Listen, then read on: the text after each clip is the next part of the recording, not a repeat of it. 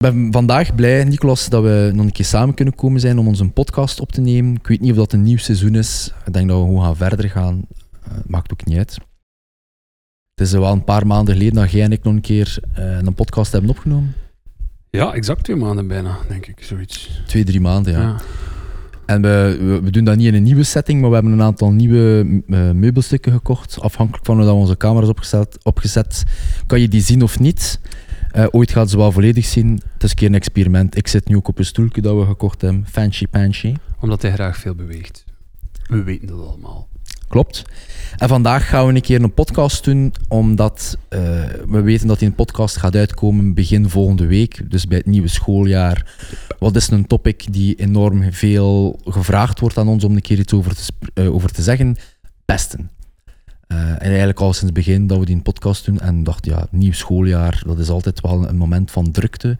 Niet alleen in het onderwijs, maar ook, ook vaak in, um, in de businesswereld, ja. in de zakenwereld. Ja. Want ook daar gaan er veel mensen vaak van start in een nieuw jaar. voor veel mensen het begin van een nieuw seizoen, ergens. Ja, of een nieuw hoofdstuk. Ja. Dus uh, voilà, we gaan een keer een, een podcast opnemen over, over pesten. En... Um, Het, het, het, het, voordeel is, is dat de algemene cijfers over pesten een beetje aan het zijn. Ja. De laatste tijden. We hebben nu toch opgezocht. Ik denk een dikke tien jaar geleden voelde één op de vier jongeren. Ik ben nu wel niet meer zeker, want we hebben, het, we hebben de informatie uh, van ons Sabine over ja. uh, alles uh, rond pesten. Kleur tegen pesten, kies kleur tegen pesten. En um, één op de vier mensen voelde zich vroeger gepest. Dat is dan met, met die campagne van de stip en met Catnet is dat dan 1 op 5 geworden. En ze wist ons in blijheid te melden, ergens deze week, dat 1 op de 6 mensen zich, of jongeren zich gepest voelt. Dus dat is toch al heel positief. Dat is fantastisch nieuws. Dat toont dat er een, een goede evolutie is. Voilà, dat is een keer tof. Een, een, episode beginnen met wat goed nieuws ook. Dat neemt natuurlijk niet weg dat we pesten nog altijd heel serieus moeten nemen.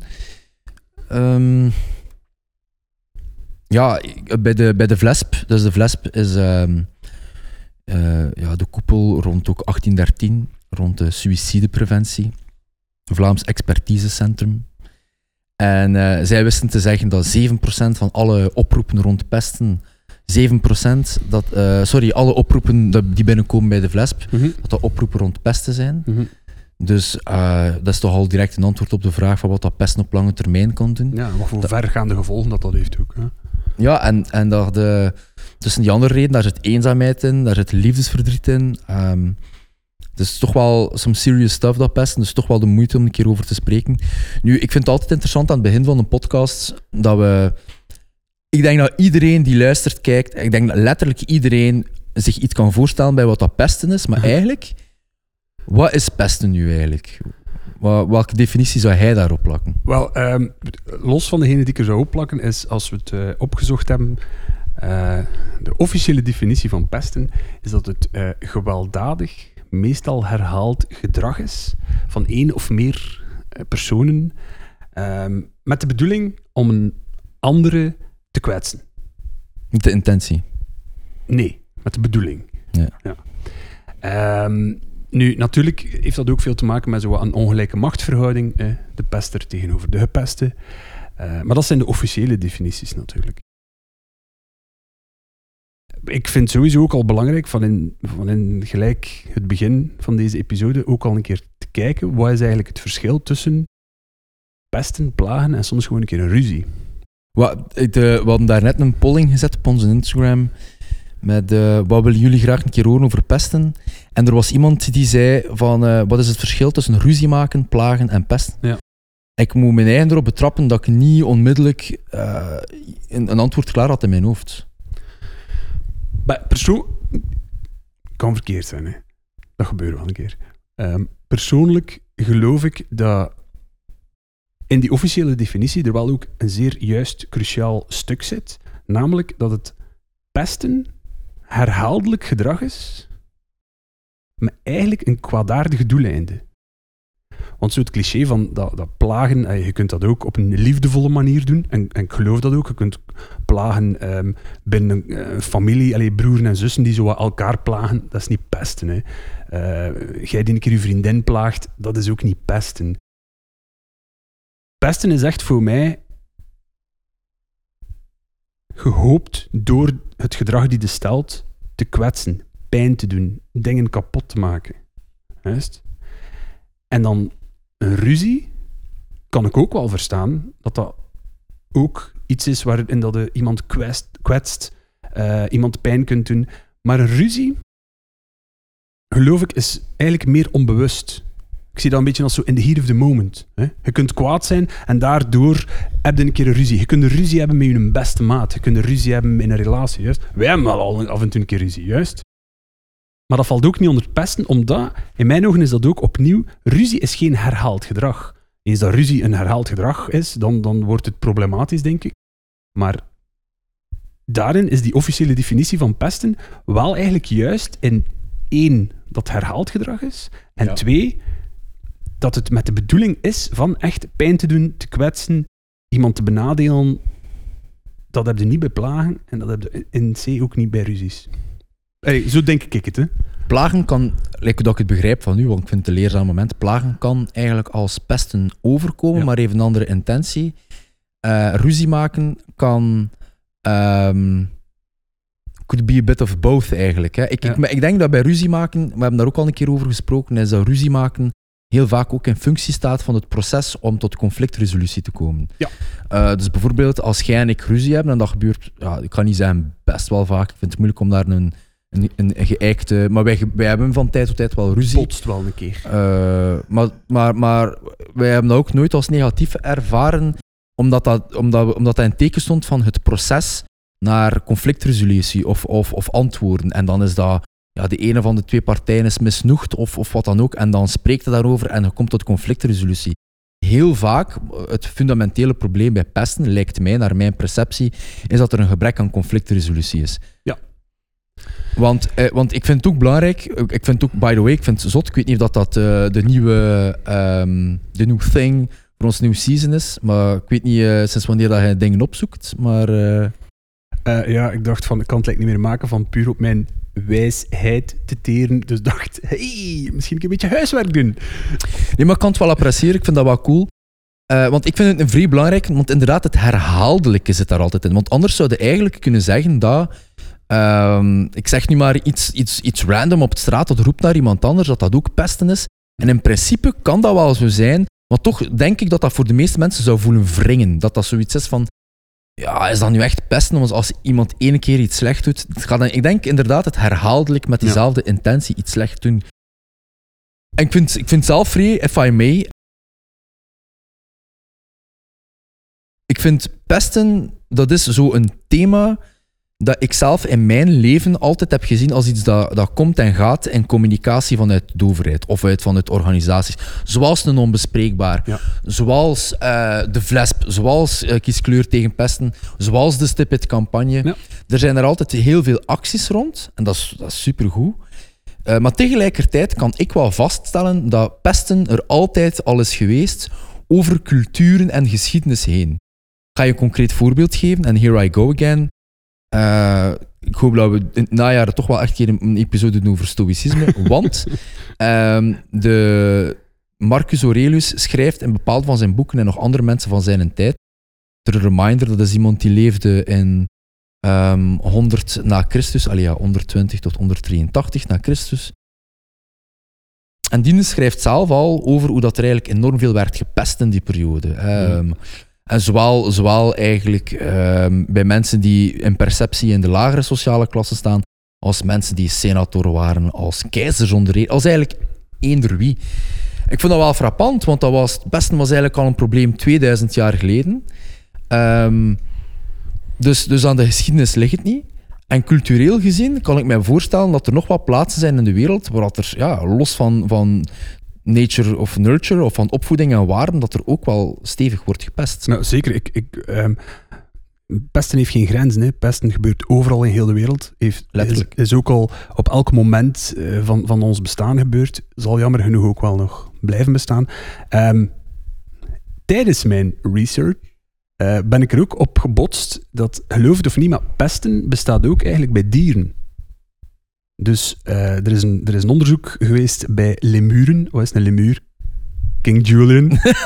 King Julian van Madagaskar. Eh, super sympathiek. Maar hebt ook minder sympathieke lemuren. Eh, ze hadden een onderzoek gedaan ehm, als in verschillende groepen lemuren bij elkaar gezet die niet bij elkaar hoorden oorspronkelijk. En toen werd er pestgedrag gezien. Dus dat pestgedrag werd ehm, herkend door bijvoorbeeld als ze eten kregen, waren er de sterkste lemuren die eerst gingen gaan eten. En in de plaats van dan het eten over te laten voor de andere lemuren, um, smeten ze gewoon dat eten weg of vernietigen ze het. Dus dat heeft niks te maken met survival, dat is puur een pestgedrag. En het mooie eraan is, allez, jammer genoeg, uh, het sterk, niet mooie, maar het sterke eraan is, is dat de, de jongere lemuren die handelingen zijn beginnen nadoen van de oudere lemuren. Dus daardoor zagen ze ook... Ah, wow. Ja. Dat wist ik niet. Wat dat ook toont, zoals bij de mensen, dat dat... Um, pesten is, is, vooral duidelijkheid, dat is geen identiteit. Hè. Je, je, wordt niet geboren als pester. Hè. Het is niet iets dat je zijt, dat is iets die wordt aangeleerd. Dus ook door dat onderzoek in het dierenrijk hebben ze gezien dat wordt daar ook aangeleerd. Ze hebben dat onderzoek nog een keer herhaald met, met bonobo's, uh, met honden ook. Dat letterlijk honden die uh, een drinkbak hadden. Hij had, had die een video getoond. Ja, voilà. Hij had ja. een video getoond. Ja. En, en Van de bal, uh... daar, daar wisten ze mee hoe, hoe, laat dat was, dat dat dus iets is die ook in het dierenrijk zat en die aangeleerd was. Nu, er is natuurlijk... Een Sorry dat ik je onderbreek. Bij, dat, bij die video van, de, van die hond was er wel een belangrijke nuance in, namelijk dat die hond als puppy verwaarloosd was, right? Ja, inderdaad. Dus ze noemden dat zo uh, het baknijd-geval. dus dat, uh, omdat hij als puppy hard moest vechten voor eten te hebben. Omdat hij uit een groot nest kwam. En hij was zo, uh, dat ze zeggen, het, het, zwakke pupje, de runt of the litter.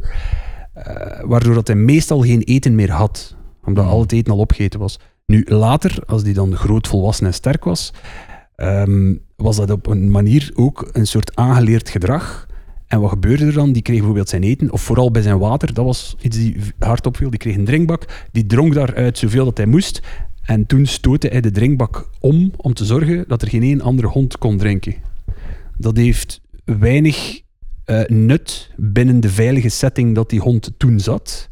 Maar dat was eigenlijk ook bij een dier pestgedrag. Die wou gewoon andere honden pesten van ik sta u niet toe te drinken. Maar ik denk persoonlijk al dat dat het beste bewijs is van, um, van hoe dat pestgedrag op een bepaalde manier universeel is. Hè. Dus over geschiedenis en over cultuur heel, heen gaat. Zeker als je dat al ziet bij dieren. Daar verschiet ik er op een bepaalde manier van. En anderzijds ook niet, want, want ik denk dat um, als je zo, zo, uh, zo kijkt naar bijvoorbeeld wat dat een van de oorzaken zou kunnen zijn van pestgedrag. Mm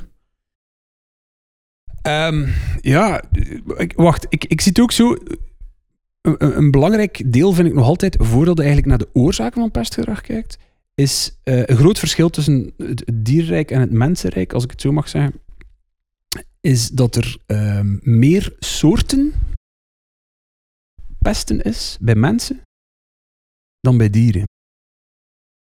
Super simpel. Uh, tegenwoordig uh, gebeurt het ook meer en meer dat er ook cyberpesten is, het cyberbullying. Logisch dat dieren dat niet kunnen.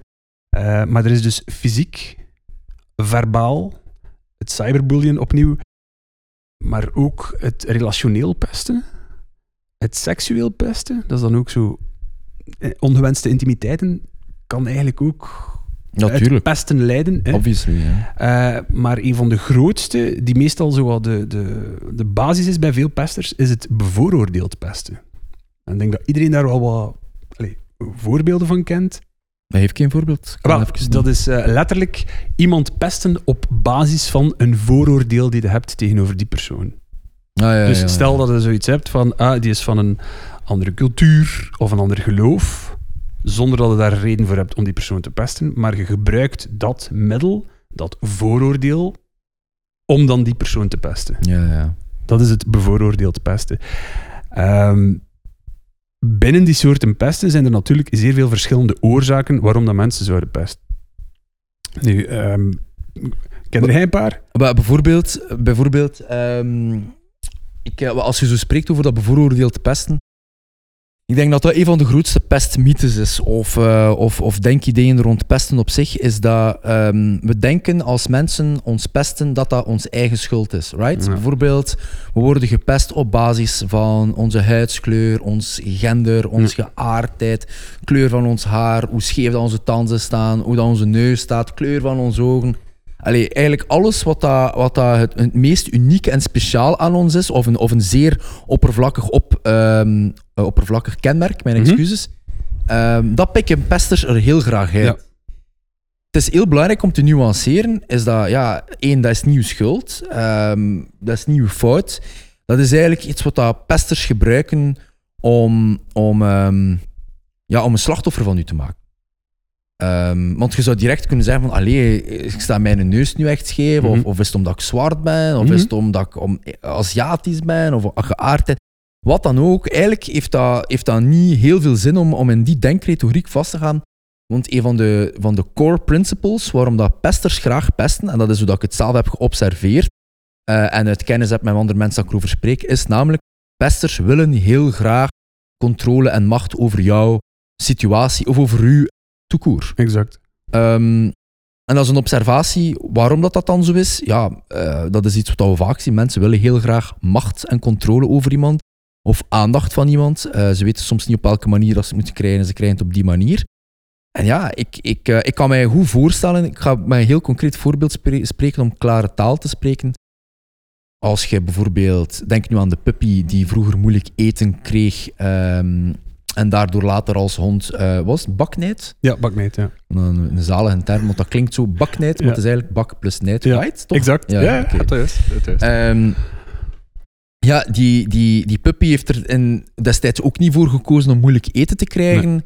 En die, eh, die blijft dan in het gedrag zitten van, ja, maar ja, ik ga mijn eten beschermen nu dat ik het wel heb. Ik denk dat dat met pesten ook heel vaak zo is. Als je bijvoorbeeld onveilig gehechte ouders hebt, Mhm. die je alle dagen ziet ruzie maken en jou geen aandacht geven, Mhm. dat je dat gedrag wat kopieert in je eigen leven als kind, omdat je denkt van, amai, ehm, dat is hoe dat mijn moeder of mijn vader aandacht krijgt van, van de significant other. Ik ga dat gedrag kopiëren, want ik weet niet hoe dat is om, ehm, om liefdevol om te gaan met mensen. En ook door, door je zo dan te gedragen, door op die manier te beginnen pesten, vo- forceerde eigenlijk een reactie. Ik, Klopt, ah ja, ik forceer dat. is Ik, eigenlijk zie dat slim. echt ook zo. Ik, ik geloof echt dat mensen die voor die reden beginnen anderen te pesten, dat die, of dat die nu aandacht willen, ehm, zij weten zeer goed, door hoe ik mij ga gedragen, forceer ik een reactie die ik wil. Wat dat opnieuw toont dat de persoon die gepest wordt, daar dus geen schuld aan draagt. Want de pester focust zich op iets persoonlijk, waardoor dat jij wel kunt denken van, ja, het zal dan misschien aan mij liggen, want dat is, dat is mijn ding persoonlijk van mij. Maar het is degene die het pesten aan het doen is, die op die manier forceert u aan te vallen om een reactie te krijgen. Juist, hè? Vind dat super clever eigenlijk. Ik moet daar even over nadenken nu dat je dat zo zegt. Want ik, eh, ik heb zo'n analoog voorbeeld in mijn hoofd. Ehm, ik ga het nu niet op mijn eigen betrekken, maar waar dat ik mij kan voorstellen dat datzelfde kind die dan bijvoorbeeld twee ouders hebben die onveilig gehecht hebben of veel ruzie maken met elkaar, kan ik me ook wel voorstellen dat ja, eh, dat kind zal er niet zo over nadenken, maar mama gedraagt zich al twee dagen passief-agressief eh, en, en gooit nu een temper tantrum, ik kan het nu even niet vertalen, een, ja, een woedeaanval. Ja, of- hoe de of- aanval, ja. ja, een soort van. van en, en krijgt daarmee wel aandacht en dat dat kind ook op die manier kopieert. Nu, natuurlijk, dat is geen excuus hè, waarom dat mensen praten, want het is eigenlijk maar een luid op denkredenering van waarom pesten mensen er al? Want ik, ik, ik ben er heilig van overtuigd, voor de vele problemen die ik heb ervaren in mijn leven, is dat de oorzaak begrijpen, zonder oordeel, maar gewoon puur vanuit een observatie, mij enorm heeft geholpen van, ah ja, zo kan dat zijn. Want ik vind dat soms een beetje zot zelf, hoe dat we altijd geneigd zijn als mensen, ook als volwassenen by the way, Mhm. nog los van pesten, als mensen negatieve commentaar op ons hebben of, of iets slecht zeggen over ons, is dat we direct meegaan in dat narratief van ah ja, het is zo, mijn, Ja. mijn haar is lelijk, mijn, mijn, mijn werk was slecht, mijn, mijn- whatever it is, om mee te gaan in dat narratief en eigenlijk zo nooit keer een vraag te stellen, ja, maar waarom zegt die persoon dat Ja. nu in godsnaam? Want dat zegt gewoon gigantisch veel. Er zijn zoveel mensen in deze wereld die silent zijn en go on with their lives forever. En we focussen ons toch op de mensen die roepen naar ons. En we, we vragen ons niet af waarom dat ze roepen, maar we focussen ons op wat ze roepen. Binnen dat vind ik ook een zeer concreet voorbeeld van pesten en reden waarom dat ze pesten, is zo. ehm, neem het zo. Je komt op een nieuwe school, iedereen is nieuw. Ehm, er, kan, er bestaat een grote mogelijkheid dat er iemand gaat zijn die al anderen gaat pesten, eigenlijk proactief, raar dat ik het zo zeg, maar proactief, omdat die zelf niet wilden gepest worden. Dus die komen misschien uit een andere school of uit een andere groep mensen waar zij de gepesten zijn geweest. En als zij denken van oké, we zijn hier nu op een, op een nieuw gebied, niemand kent mij. Voor het mij opnieuw gaat overkomen, ga ik iemand anders pesten. En ergens vind ik dat je daar ook een keer moet kunnen over nadenken en op een manier proberen begrijpen waarom is die persoon dat aan het doen. Want het is op die manier, precies like in, in, in uw verhaal van als dat iemand is die dat van thuis uit, die bijvoorbeeld een moeilijke thuissituatie heeft en daardoor het op school of in andere kringen uitwerkt door anderen te pesten. Dat is in principe altijd zo een, een vicieuze cirkel, zo de, de lelijke cyclus. Ja. Van de pester gaat andere, ga- eh, de gepeste gaat anderen gaan pesten. Ergens, als jij dan degene bent die wordt gepest, heeft het echt ook wel nut van daar een keer over na te denken en zo te zien van, ja maar, ik wil ook niet deel van die cyclus worden. Ik wil niet de volgende persoon zijn die nu iemand anders daardoor gaat Ja, gaan ja. pesten. Breaking the cycle, right? Exact. Ja. Ja. Makes sense. Hè. Ik zelf in, eh, in de film, ik moet nu opeens daaraan denken, het is niet het beste voorbeeld, maar de, eh, film, sorry, de serie Lupin. Het is een Netflix original met eh, een van mijn favoriete acteurs samen met, ik ben nu zijn naam kwijt, dat klinkt echt wel de worst fan ever. Ehm, Omar Sy, Ja, oké. Ja, ja, ja. ja, ja. Zalig Oeh, vlotjes. Ja, ja. Omar Sy. Vrij wijze serie Lupin. Ik ben geen seriekijker, dus... eh, maar... eh, en er is ook een moment dat hij daar... ah, dat is nu wel een spoiler alert. Really? Ik zal een analoge situatie geven. Er is een parallel universum en het is niet de serie Lupin, waar dat iemand in de gevangenis gaat en het is niet Lupin. eh, waar dat hij direct spel maakt met mensen omdat hij schrik heeft om zelf. ehm, ja, dus eigenlijk, eigenlijk is in dat geval niet pesten. Het is echt een zuivere overlevingsinstinct. Eh, en ik, zie- ik heb dat in nog films gezien, Mhm. letterlijk. Maar het is gewoon, dat is nu het eerste voorbeeld. Ik heb dat in nog series gezien. Oké, series is niet de realiteit, maar Maar ik, ik geloof wel dat er heel veel pesters in de realiteit dat toepassen. Dat ze zelf En you know, what? you know what? Ik kan u iets vuil zeggen. Hier op deze podcast moest ik ooit for some reason de gevangenis in gaan. For some reason. Van, oh, laat, laat hopen dat dat niet gebeurt. Is waarschijnlijk slimmer in mijn geval om mij in die situatie ehm, in het begin agressiever op te stellen, omdat ik niet slachtoffer wilt zijn. Eh, en ik weet dat dat een gevaarlijke uitspraak is van mezelf, maar ik hoop het om daar een keer wat tegenperspectief aan te geven aan, aan dat, zonder dat goed te keuren, is dat ik ook denk dat veel mensen ehm, soms zelf pesten als een soort van overlevingsmechanisme. Is net zoals dat, dat de baknijd van de hond is of die lemuren. Mhm. Ehm, dat dat ook een beetje, ja, de, de, de pack heeft het idee van, amai, die persoon willen we er niet bij en die duwen we eruit. Ik vind het daarom ook niet juist, maar het is het principe van Nelson uit The Simpsons. Ja, Als je genoeg naar The Simpsons hebt gekeken, dan zie je dat Nelson eh, ofwel geen pa had, een moeder die... eh, ja geen die- pa. En, geen pa en een moeder die in de prostitutie ja, zit, dat is een ja. slechte thuis Ja. en daarom, daarom eigenlijk een pestkop is. En eigenlijk super ongelukkig was en, en in sommige instanties eh, ja, ge- gewoon hem zo wou opstellen om zichzelf veilig te stellen. Maar kijk, dat doet mij dan ook denken. ehm, ik steek er mijn hand voor in het vuur. Dat er mensen zijn die dit zien of horen, die zelf hebben gepest, die zelf pestgedrag hebben vertoond. Nu, ik, ik Jeff en ik, wij, wij willen jullie daar niet op aanvallen. Maar wel maak ik van de gelegenheid gebruik om jullie een keer te vragen van, denk daar nu zelf een keer over na. Als jullie degene zijn geweest die anderen hebben gepest, stel u een keer de vraag, waarom heb ik dat gedaan? Of waarom doe ik dat nu nog? Right? Ziet zo, je hebt er niets aan te verliezen. Niemand gaat het weten als je er nu gewoon puur voor je eigen keer over nadenkt. Maar als de reden is dat je zelf bent gepest geweest, of dat je uit een moeilijke situatie komt, of wat dan ook, garandeer ik u het dat er betere opties zijn, gezondere oplossingen, dan die een cyclus verder te zetten en anderen te pesten. Right?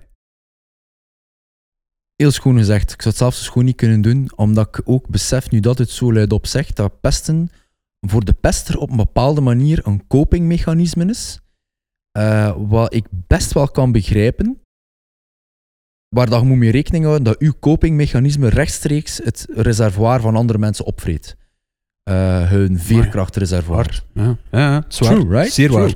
Zeer. En ehm, ik denk, ik, het, is, het is altijd zo een, een eh, wijsheid van de PP, van de meme van veel Hm. mensen, is dat doe het dat je niet laten kunt, eh, is het raar, is het whatever, is dat, zolang dat er anderen en jezelf niet meer pijn doet. En ja, die regel geldt hier gewoon niet.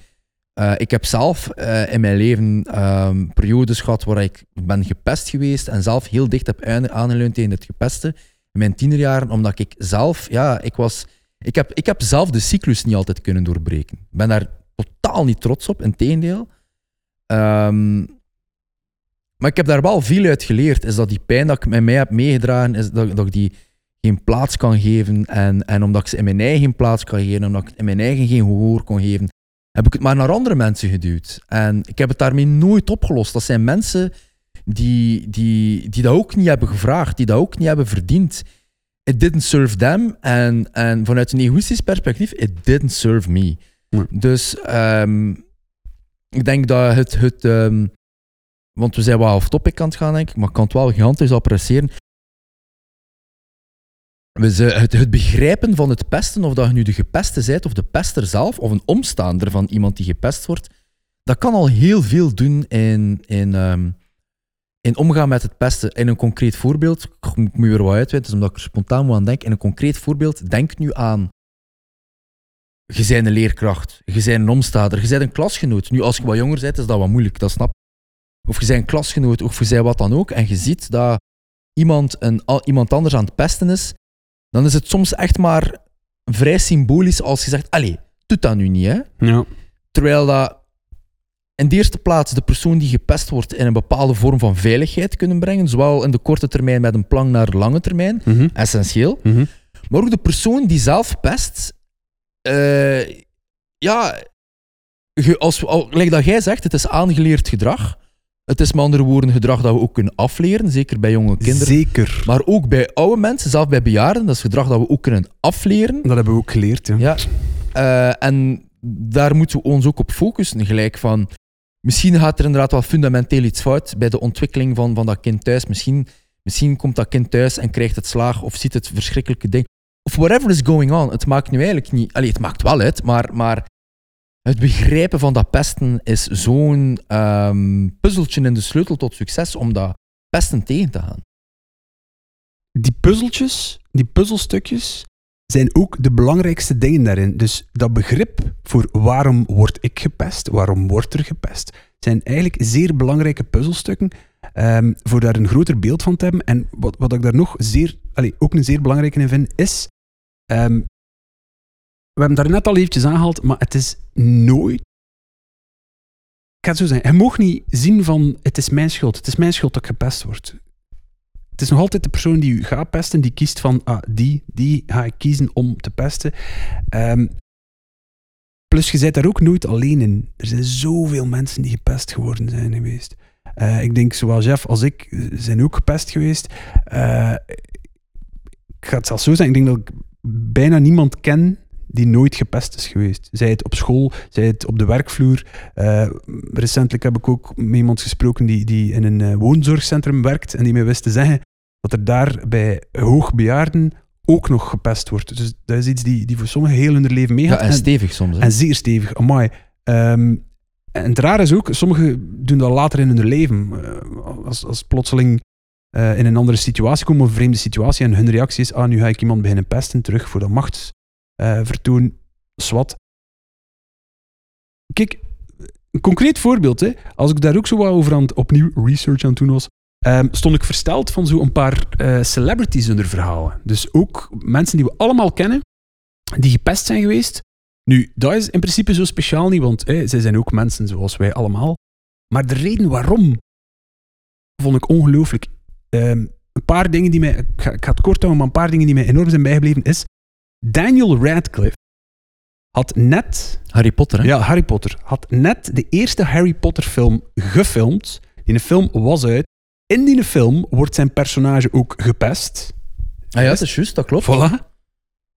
Het toppunt is, hij als persoon, dus Daniel Radcliffe, de acteur, Mhm. werd gepest omdat hij Harry Potter speelde. Dat toch waanzinnig? is bijna, dat is bijna zo'n dat is like zo'n thuisacteurverhaal. Dat is ongelooflijk. maar nee, dat is ongelooflijk. Want hij heeft zelf in een, in een eh, interview toegegeven dat hij eigenlijk ehm, aan het twijfelen was om nog verder te doen. Omdat hij zei van, Ja, zot. dit, dit was het mooiste dat, ik- dat ik kon doen. Ik vond het personage tof, ik speelde het graag. Maar ik was aan het twijfelen van, ja, maar wil ik dat wel verder spelen? Want ik word echt gepest omdat ik Harry Potter ben. Maar zeker als kind kunnen dat niet plaatsen. Exact, want Nu- hoe nu jong dat- was hij ook niet ja, toen nog? voilà. Voilà. Wij, wij kunnen dat als wereld, zeker nu nadien, maar zelf toen zouden we kunnen zeggen, jong manneke, trekt u dan een Ja. keer aan. Maar de impact en de gevolgen van pesten zijn, zijn, ehm, zijn gigantisch. Ik vind dat hij daar iets vrij interessant vertaalt. Sorry als ik het parafraseer rond... eh, het is nooit uw schuld... Ja, dat had al gezegd. Eh, het is nooit jouw schuld als je gepest wordt. Mhm. But now what? En ik eh, vind dat altijd zo wel een moeilijke, eh, omdat we zitten zo, de term victim blaming valt heel vaak in onze maatschappij. Wij spreken daar ook heel vaak over. Ik zal het zelf gewoon zeggen dat het is. Wij twijfelen soms in podcasts om bepaalde dingen te zeggen, omdat we weten dat het zo gevoelig en zoveel nuance vergt, dat we niet willen op ons doos krijgen, om het zo te zijn, eh, en dat we het dan maar liever niet zeggen. Maar langs de Hm. andere kant, ja, we kunnen een podcast niet onbespreekbaar noemen En het niet bespreken. en het dan niet bespreken.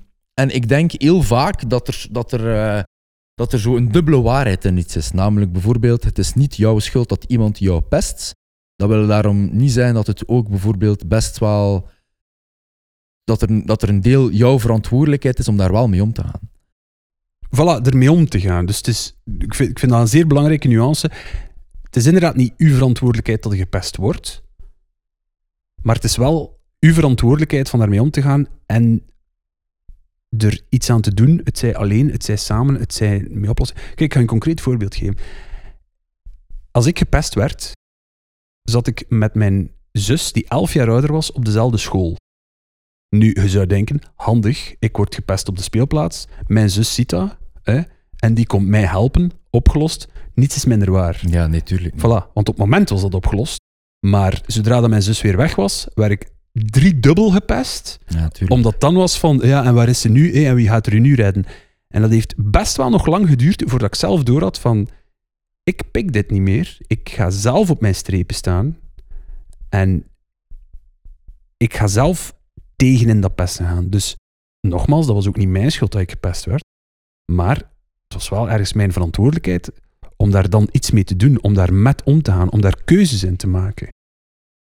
Maar ik, ik, zal, ik, zal, ik zal het nu zelf nog een keer anders challengen. Eh, wij indienen een question, sticker, poll, whatever, op onze Instagram. Eh, we moeten besproken in, in, in, eh, in, ehm, op onze podcast over pesten. Heb ik tientallen keren, we hebben het er, er zelf daarnet nog over gehad, tientallen keren mensen die zeggen van, wat moet je doen met het gevoel van vijf jaar, vijftien jaar, de zotste dat ik heb gelezen is 26 Ja, jaar, 26 jaar. 26 jaar na gepest te zijn, heb ik hier een depressie aan overgehouden. Wat moet ik, mee doen? moet ik daarmee doen? Je hart breekt als je zoiets leest. Ja. I'm gonna be dead honest. En tegelijkertijd denk ik, als ik dat lees, van... Het is 100%... Want dat is eigenlijk hetzelfde als wat we daarnet hebben gezegd. Maar het is een, andere verwoording. Je zit 100% in je recht om 26 jaar na gepest te zijn en depressie te hebben. Maar does it serve you om een gelukkig leven te leiden? Ja. Denk daar een keer over na. Ik wil het, ik ga het nog een keer zeggen. Het is 26 jaar nadat je gepest bent, heb je alle recht om een depressie te hebben, maar does it serve you om een goed en gelukkig leven te hebben? En je weet gewoon, het antwoord, daar is eigenlijk heel weinig of moeilijk discussie over. Het antwoord is gewoon nee. Nee, het helpt u niet. hè. Het antwoord is gewoon nee. Ja. En ik vind dat zelf, ik snap het. En we hebben niet allemaal de tools en we hebben niet allemaal de omgeving die ons helpt met dat pesten, want dat is gigantisch belangrijk. Maar het is wel een incentive om na te denken, als je gepest wordt, right now, of als je het ooit gaat meemaken, en de kans is groot, vanuit een statistisch perspectief, is het wel goed om, om na te denken van oké, het is niet mijn schuld, het is niet mijn schuld dat ik gepest word. Er is een oorzaak, en die persoon heeft zijn thuissituatie, of er is dit of dit of dat gaande. Om dat gewoon op te observeren, om dat te begrijpen en dan te zeggen van oké, maar wat ga ik hier nu mee doen? Wat ga ik hier nu mee doen? Maar het is niet altijd even evident. Ik weet niet, ik, ken, ik kende Niklas niet toen dat hij nog een klein manneke was. Maar het zou wel een tijd geweest zijn tussen gepest worden en dan die eerste stap zetten, right? Zeker. Ja, dat heeft echt wel een tijdje geduurd. Ja. En ik, ik, ik pijs dat dat... Ik denk dat dat ook maar normaal is. Ik denk dat, dat we allemaal een stukje zelfontwikkeling nodig hebben om op onze strepen te staan, onze grenzen aan te geven en daar iets mee te beginnen doen. Ehm, maar iets wat dat wel kan helpen, is eh, zo vroeg mogelijk aangeven dat je niet graag gepest wordt. Dat is ook iets die ik, die ik heb zien terugkeren als ik verschillende dingen over pesten aan het lezen was. Um, je hebt 100% gelijk dat vroeg reageren, dus vroeg reageren, superbelangrijk is. Want hoe langer je het pesten laat aanslepen, hoe meer macht dat degene die u aan het pesten is, ontwikkelt. Nu, hoe vroeger dat je daarop reageert, dan, hoe zeg je dat, je smoort dat in de kiem, hè? Je, je bent per direct duidelijk aan het zeggen van, dit vind ik niet aangenaam, uh, dat is niet iets die ik, die ik wil, die dit doet naar mij toe. Daarbij komt, ik heb het zelf ook al gezegd, het is ook belangrijk om duidelijk te communiceren. Duidelijk te zeggen van, wat dat jij nu zegt tegen mij, hoe dat jij nu handelt tegen mij, ik heb dat niet graag, ik voel mij daar niet goed bij, dat is niet aangenaam. Uh, dat is niet gezegd dat hij een pester daardoor gaat stoppen, maar het is wel geweten, het is wel gezegd geweest. Ook de omstaanders gaan het horen dat hij dat niet pikt. En even belangrijk is dat je daar consistent in bent. Wat wil ik daarmee zeggen? Als je duidelijk laat weten tegen een pester, dit vind ik niet aangenaam, ik wil niet dat jij dat zegt tegen mij of zo doet tegen mij, en die reageert daar niet goed op, of die, die stopt niet mee pesten, wil dat niet zeggen dat de volgende keer dat gebeurt, dat hij moet zeggen, ja, de vorige keer heeft het niet gewerkt dat ik iets zei, dus ik ga maar zwijgen. Dat zwijgen is nooit een optie. Niet alleen voor degene die gepest wordt, maar ook voor de omstaanders die het zien gebeuren. Daarmee wil ik niet zeggen dat je per direct in de bres moet springen voor iemand anders. Als je daar comfortabel bij voelt, good, geen probleem. Ik geef je op een papiertje, als ik iemand gepest zie worden, in een, een eh, omgeving waar dat ik mijzelf in beweeg, ga ik me daarover uitspreken. Ga ik per direct de persoon daarop aanspreken dat dat niet oké is. En nog belangrijker, ga ik ook de persoon die gepest wordt duidelijk maken: ik hoor u, ik begrijp u en ik ben hier ook voor u. Want ik wou daar ook zelf niet zijn. Maar als je als omstaander je niet comfortabel voelt van onmiddellijk daar iets op te zeggen, dat nog altijd niet zeggen dat je moet zwijgen. Ik vond het ongelooflijk om te lezen dat pestgedrag nog steeds te weinig wordt gemeld. Dus niet alleen door degenen die het ondervinden, maar ook door de personen die erop staan te kijken. En daardoor wordt dat op een manier ongeveer getolereerd, ik zal het maar zo zeggen, bij gebrek aan een beter woord. En dat kan niet de bedoeling zijn. Dus nog een keer, reageer vroeg, zij consistent in te reageren en reageer duidelijk. Zowel voor degene die gepest wordt, als omstaanders. 100% uh, een bijkomende reden waarom dat, dat belangrijk is, is omdat je zowel als omstaander van pestgedrag als de persoon die zelf gepest is, kunt en mogen begrijpen. Ik moet, sorry, mijn brein is weer even pauze. Te vlot aan het gaan. Omdat je kunt en mogen begrijpen dat er een soort van self-fulfilling prophecy aan je zelfbeeld is met pesten. Wat bedoel ik met die woorden? Ik moet opeens denken aan, ik weet niet of we het hebben. Ah ja, het staat in een boek, in ons boek, um, chronische eenzaamheid. Ja. Chronische eenzaamheid is een fenomeen, ik ga het kort proberen samenvatten. Je voelt je wel wat minder goed in je vel. Uw vrienden vragen om af te spreken met u, jij zit dan niet zitten, want je voelt je niet goed in je vel. En je zegt zodanig vaak uw vrienden af, dat uw vrienden dan een tijd hebben van, ja, die vragen u niet meer. Daardoor onderhoudt het En daardoor zelf. onderhouden dat principe. Dat is, uh, dat is heel kort door de bocht. Maar dat gaat ook vaak gepaard met een zelfbeeld. Bijvoorbeeld van, ah, ik zie mijn eigen niet graag. En waarom zouden andere mensen mij graag zien? Om mijn vrienden vragen om af te spreken. Ik ga dat momenteel even niet doen, want ik zit niet goed in mijn vel. En een tijd bellen je vrienden niet meer, want je hebt mhm. altijd nee gezegd. En dan denk je van, zie je wel dat ik geen wijze mens ben, want mijn vrienden bellen mij niet meer. En met pesten kun je, denk ik, ik geloof dat toch, een beetje hetzelfde hebben naar bijvoorbeeld, stel nu weer waar we, waar we begonnen zijn, met die een... Uh, zeg, wacht, wat ik zeg. Iets met geaardheid bijvoorbeeld. Ja, ja. Dus bijvoorbeeld, ik ben homoseksueel en je wordt op basis van dat gepest. Je wordt, op basis daarvan gepest. Terwijl ik eigenlijk zou kunnen begrijpen, want ik word eigenlijk niet gepest op basis van mijn homoseksualiteit. Nee, het is een power, uh, sorry, het is een macht, uh, aandacht en controle dingetje. Exact. Maar als ik me daar niet bewust van ben, dan zou ik vrij in die cirkel kunnen gaan van amai, ik word gepest dat ik homoseksueel ben. Ik wil mij inhouden van mijn homoseksualiteit. Ik wil het aan niemand laten weten. En als ik een keer iemand nieuw leer kennen, gaat dat zodanig ver, is dat ik mij bij wijze van spreken stereotyp super gay gedrag. Mhm. Ik zeg maar iets. Eh, waarop dat iemand anders daar negatief op reageert. En dat ik dan denk van, zie je wat? Ja, ze zijn mij daar weer voor zijn aan het daar pesten. weer voor aan het pesten. En dan krijg je zo'n soort van self-fulfilling prophecy. En het klinkt nogal sesamstraat dat ik het zeg, maar het is echt best wel wel documented. In psychologie en in sociologie is dat mensen soms echt, denk maar aan relaties ook, expres slecht partnergedrag tonen Ja. om zelf ruzie te creëren, om eigenlijk aan zichzelf te bevestigen dat ze Ja. niet waard zijn om graag gezien te zijn. Als in, het gebeurt opnieuw. Het gebeurt opnieuw. Zelfsabotage. Ook wel een keer in een podcast dat we... ehm, Eh, jij bent niet verplicht van te blijven omgaan met mensen eh, die je pesten. En, en zelfs al Je ze niets te bewijzen, Nee, hè? voilà, exact. Vooral ook als het iets is dat zij zich focussen op een bepaald uniek zijn van u, als ik het zo mag zeggen. Als er iets uniek is aan u, is dat juist fantastisch. Dat is super dat er iets uniek is aan u. Als er dan mensen rond u zijn die dat gebruiken om u te pesten, zijn dat geen mensen die je nodig hebt. Dat dan uw vrienden, familie, whatever zijn. Als zij juist hetgene die u speciaal maakt, die u uitzonderlijk maakt, die u uniek maakt, tegen u proberen te gebruiken, nee, echt geen fan van. mag daarbij ook wel duidelijk zijn, mensen, als je gepest wordt, ehm, stel je af en toe een keer de vraag, is er een crime? Hè? Is dit een misdaad? Eh, ik heb nog, een, eh, nog iemand gehad op school, ja, ze staken voetzoekers in zijn, in zijn boekentas. En zijn, eh, zijn kaften en zijn mappen en zijn, zijn, ehm, zijn boekentas was kapot. Ja, dat is crime. Hè? Mm. Kan je ook dood eerlijk zeggen, is dat wij mij onbespreekbaar van tijd tot tijd zodanig door het slijk worden gehaald. eh, op het internet en op Twitter en wat dan ook. Ik kan daar een goede afstand van houden, mentaal.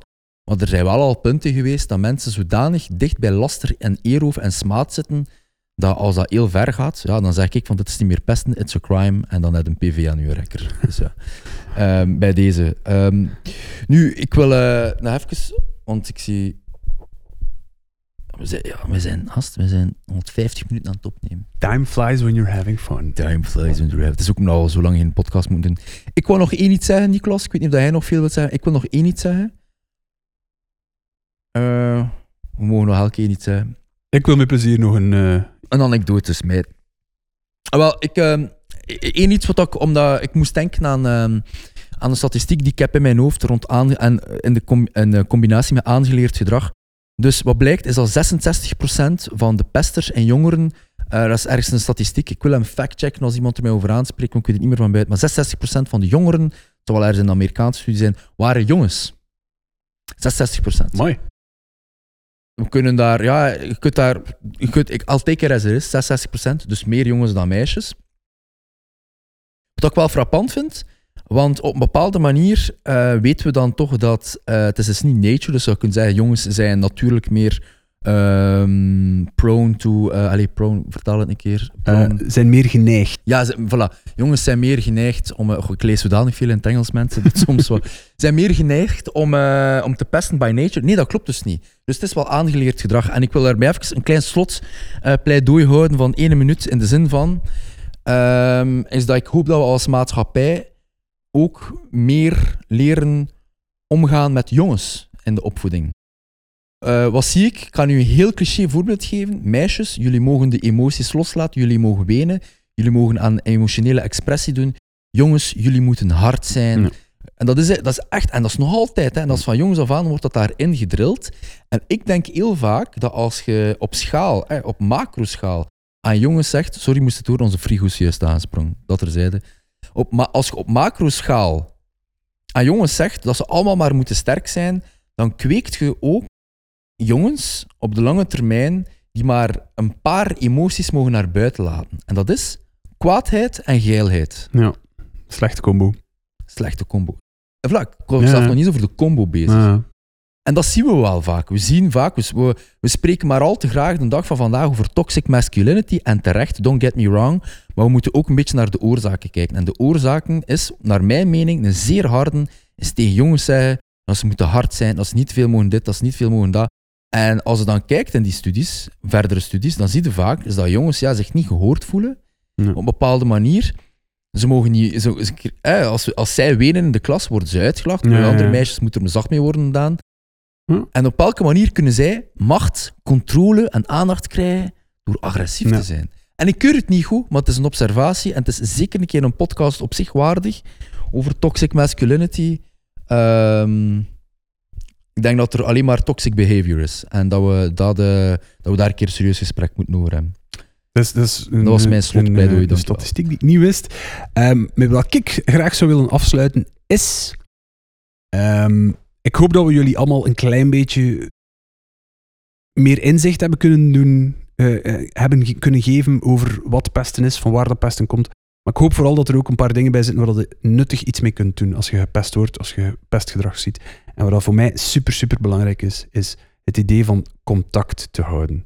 Wat wil ik daarmee zeggen? Zeer veel mensen die gepest worden, vallen in isolement. Wordt gepest, je voelt je alleen, je merkt dat er niemand voor je opkomt, dat er je niemand niet helpt. En daardoor durfde ook minder en minder zeggen wat er gebeurt. Het schoonste voorbeeld is kinderen die op school gepest worden, die niet durven zeggen thuis.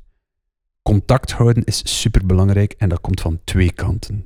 Zowel degene die gepest wordt, juist, moet erop letten van toch het laten weten dat hij gepest wordt. Van, van bij de vrienden waar dat hij toch steun heeft, steun te gaan halen. Maar vooral ook het publiek, als ik het zo mag noemen, de mensen die erop staan te kijken dat er pestgedrag vertoond wordt. Nogmaals, als je niet comfortabel voelt van in te grijpen op het moment dat er gepest wordt, denk dan toch een keer na hoeveel verschil dat je kunt maken voor iemand die gepest wordt, als je achteraf bij die persoon gaat en echt zegt van Amai, ik heb dat gezien, dat was echt niet oké. Hoe voelde hij u? Hoe gaat het daardoor? Wat kan ik voor u doen? Want stel dat hij in die positie zit, zou je niet graag hebben dat er iemand een beetje voor u opkomt? Dat contact houden redt u van isolement. En als je in isolement zit en je blijft gepest worden, dat is een straatje zonder einde. Geef deze man een TED-talk.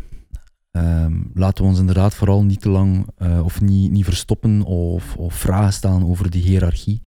Leidinggevende, leerkracht, eh, CLB. I understand, maar eh, laten we terug een stuk van ja, bottom-up leadership, een soort van zij-aan-zij gehalte, een soort van menselijkheid injecteren in de conversatie rond pesten. Ehm, iedereen kan gepest worden, iedereen kan een pester zijn. En het belangrijkste is dat iedereen de kans heeft om iemand met pesten te helpen op de een of andere manier. It's gonna be worth it. Ehm, Het is zonder twijfel onze gedeelde verantwoordelijkheid.